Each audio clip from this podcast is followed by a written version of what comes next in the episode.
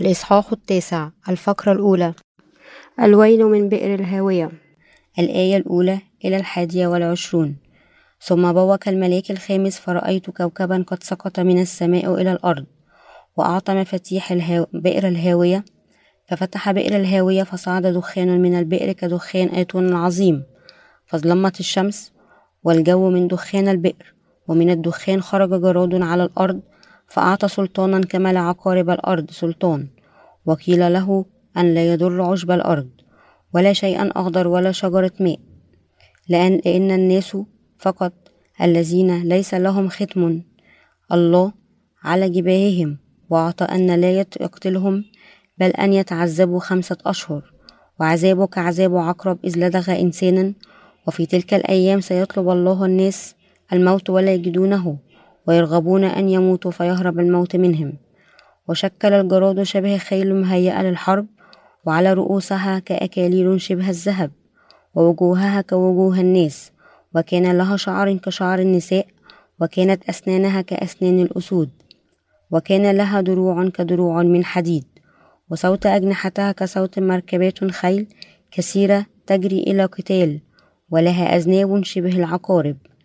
وكانت في أذنابها حماة وسلطانها أن تؤذي الناس خمسة أشهر ولها ملاك الهاوية ملكا عليها اسمه بالعبرانية أبدون ولو باليونانية اسم أبلون الويل الواحد مضى هو يأتي ويلان أيضا بعد هذا.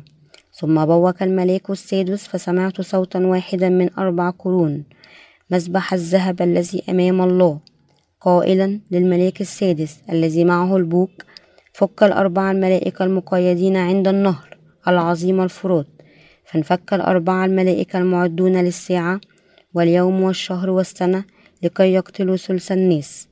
وعدد جيوش الفرسان مائتا ألف وألف وأنا سمعت عددهم.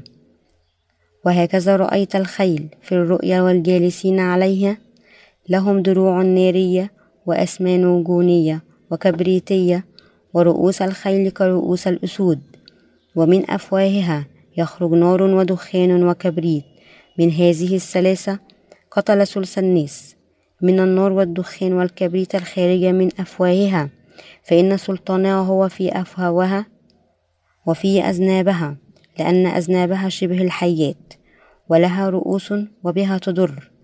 أما بقية الناس الذين لم يقتلوا بهذه الضربات فلم يتوبوا عن أعمال أيديهم حتى لا يسجدوا للشياطين وأصنام الذهب والفضة والنحاس والحجر والخشب التي لا تستطيع أن تبصر ولا تسمع ولا تمشي ولا تابوا عن قتلهم ولا عن سحرهم ولا عن زنيهم ولا عن سرقتهم. التفسير الآية الأولى ثم بوك الملاك الخامس فرأيت كوكبا سقط من السماء إلى الأرض وأعطى مفتاح بئر الهاوية. أن الله أعطى الملاك مفتاح الهاوية يعني أنه قرر أن يجلب ضربة رهيبة مثل الجحيم على البشرية. يطلق على الحفرة التي لا يقع لها أيضا الهاوية مما يعني مكانا بعمق لا نهاية له لجلب المعاناة على ضد المسيح الذي يعيش على الأرض وأتباعه. وأولئك الذين يقفون ضد الأبرار سيفتح الله الهاوية أعطى مفتاح هذه الحفرة التي لا نهاية لها للملاك الخامس هذه ضربة مرعبة مرعوة كالجحيم نفسه. الآية الثانية ففتح بئر الهاوية فصعد دخان من البئر كدخان آتون عظيم فاظلمت الشمس والجو من دخان البئر. عندما سمح الله بفتح الهاوية امتلأ العالم بغبار مثل الرماد البركاني مما أدى لضربة الظلام. ضربة الظلام هذه محجوزة لأولئك الذين يحبون الظلام. الله هو إله النور الذي يضيء علينا. ويعطي إنجيل الماء والروح للجميع لأولئك الذين يؤمنون بهذه الحقيقة. أعطى الله نعمة الخلاص وسمح بالعيش في نوره الساطع ولكن أولئك الذين لا يقبلون الحق. يواجهون مجازات الله العادلة لأنه سيجلب عليهم ضربة الظلام ودينونته العادلة. يولد الناس في الأساس كخطاة ويفضلون الظلام على النور في حياتهم وبالتالي فهم يستحقون أن ينالوا ضربة الظلام من الله لرفضهم وعدم إيمانهم بإنجيل الماء والروح الذين أعطاهم الرب. الآية الثالثة ومن الدخان خرج جراد على الأرض فأعطى سلطانا كما لعقارب الأرض سلطان. سيرسل الله الجراد لهذه الأرض ويعاقب خطايا أولئك الذين يعرضون حق الله تابعين أفكارهم الفطرية. إن ضربة الجراد قادرة على إحداث ألم رهيب مثل لدغة العقرب. لذلك يجب أن يؤمن كل الخطاة في العالم بمحبة الله الحقيقية وأولئك الذين لا يفعلون ذلك. يجب أن يجربوا رؤية مدى ضخامة وآلام خطاياهم بسبب رفضهم محبة الله ووقوفهم ضده. أرسل الله الجراد لهذه الأرض وجعل الناس يدفعون أجرة خطاياهم في الوقوف ضد إله الحق واتباع أفكارهم الفطرية. ثمن الخطية هو معاناتهم من ضربة الجراد. الآية الرابعة وقيل له أن لا يضر عشب الأرض ولا شيئا أخضر ولا شجرة ماء إلا للناس فقط الذين ليس لهم ختم الله على جباههم. عندما يجلب الله ضربة الجراد الرهيبة لن ينسى أن يظهر رحمته لمن هم ختمه. كما سيأمر الجراد ألا يضر بالطبيعة. الآية الخامسة وأعطى أن لا يقتلهم بل أن يتعذبوا خمسة أشهر وعذابه كعذاب عقرب إذا لدغ إنسانا. في نشيد الأنشاد. الإصحاح الثامن الآية السادسة يتحدث الله عن حبه وغضبه قائلا لأن المحبة قوية كالموت الغيرة قاسية كالهاوية لهيبها لهيب نار لدى الرب. وبالمثل تخبرنا هذه الضربة عن مدى فظاعة العقوبة. على أولئك الذين يرفضون محبة الله التي تظهر من خلال إنجيل الماء والروح هذه الضربة ستعذب الناس لخمسة أشهر. الآية السادسة وفي تلك الأيام سيطلب الناس الموت ولا يجدونه ويرغبون أن يموتوا فيهرب الموت منهم. إن ضربة الجراد تجلب معاناة كبيرة لدرجة أن الناس سيفضلون الموت على أن يعيشوا في هذا الألم. ومع ذلك لن يموتوا مهما رغبوا في ذلك.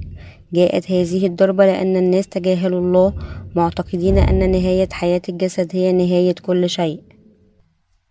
فقد تجاهلوا الله الذي يملك على الحياة والموت ولكن من خلال وباء الجراد يوضح لنا الله أنه حتى الموت لا يمكن إلا يأتي ألا يأتي بإذن الله.